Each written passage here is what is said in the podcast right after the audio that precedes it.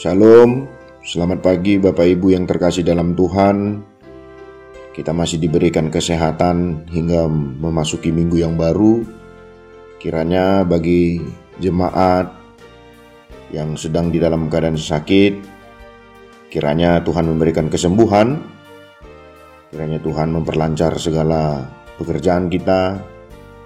Kiranya Tuhan senantiasa memelihara kehidupan kita.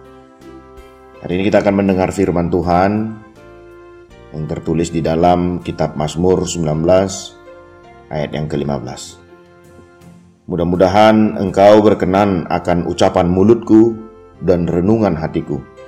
Ya Tuhan gunung batuku dan penebusku. Demikian firman Tuhan. Indahnya berinteraksi dengan firman Allah. Allah menyatakan kemuliaan dan pekerjaan tangannya melalui ciptaannya yang ada di sekitar kita. Melalui alam semesta ini, manusia sebetulnya dapat mengenal hikmat, kekuatan, serta kebaikan Allah. Walaupun alam semesta ini tidak dikaruniai kemampuan untuk berbicara, tetapi kebisuan mereka mampu menceritakan kemuliaan Allah sehingga didengar oleh siapa pun, di mana pun, serta kapan pun.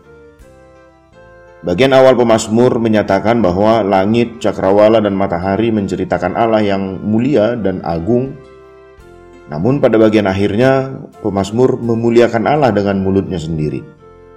Selain pujian, bagian ini pun pemazmur menyampaikan permohonan agar supaya pujiannya diterima oleh Allah dengan ungkapan kiranya engkau berkenan akan ucapan mulutku dan renungan hatiku, ya Allah.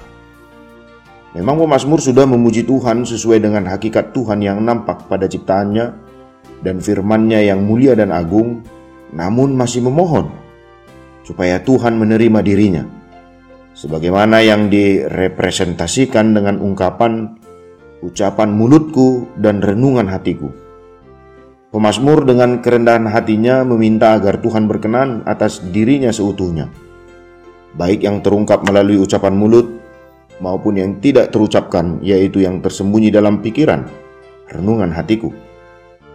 Jadi bukan soal isi pujian yang dinyanyikan saja, melainkan isi hati pemuji, bukan hanya pernyataan-pernyataan teologis saja tentang Allah, melainkan isi hati yang teologis, yaitu hati dan hidup yang berkenan kepada Allah.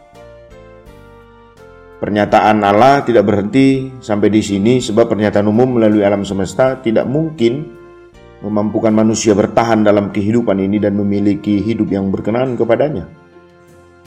Karena itu, pernyataan umum ini diperkaya dengan pernyataan khusus Allah yaitu firman-Nya. Manusia yang tersentuh oleh firman-Nya menjadi manusia yang tidak terpengaruh oleh situasi dan kondisi di sekitarnya. Apa pun yang terjadi, jiwanya tetap segar, dan hatinya tetap bersuka.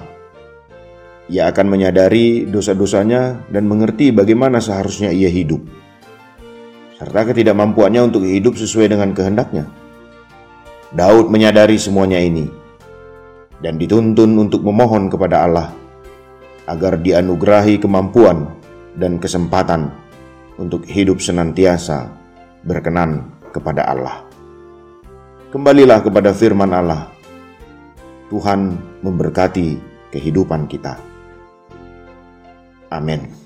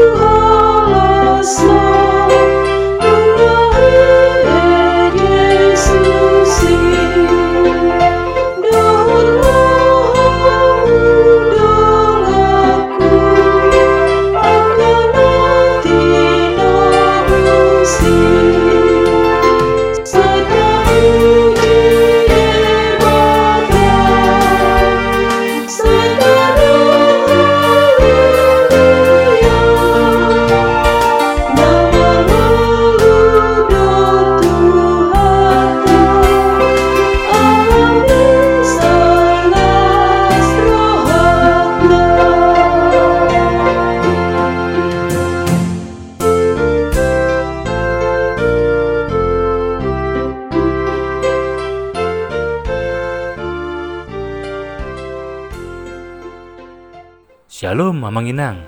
Terima kasih sudah mengawali hari dengan mendengarkan renungan hari ini. Yuk bagikan renungan harian ini kepada keluarga kita, sehingga firman Tuhan itu tidak kembali sia-sia, namun berbuah dan terpelihara. Tuhan Yesus memberkati.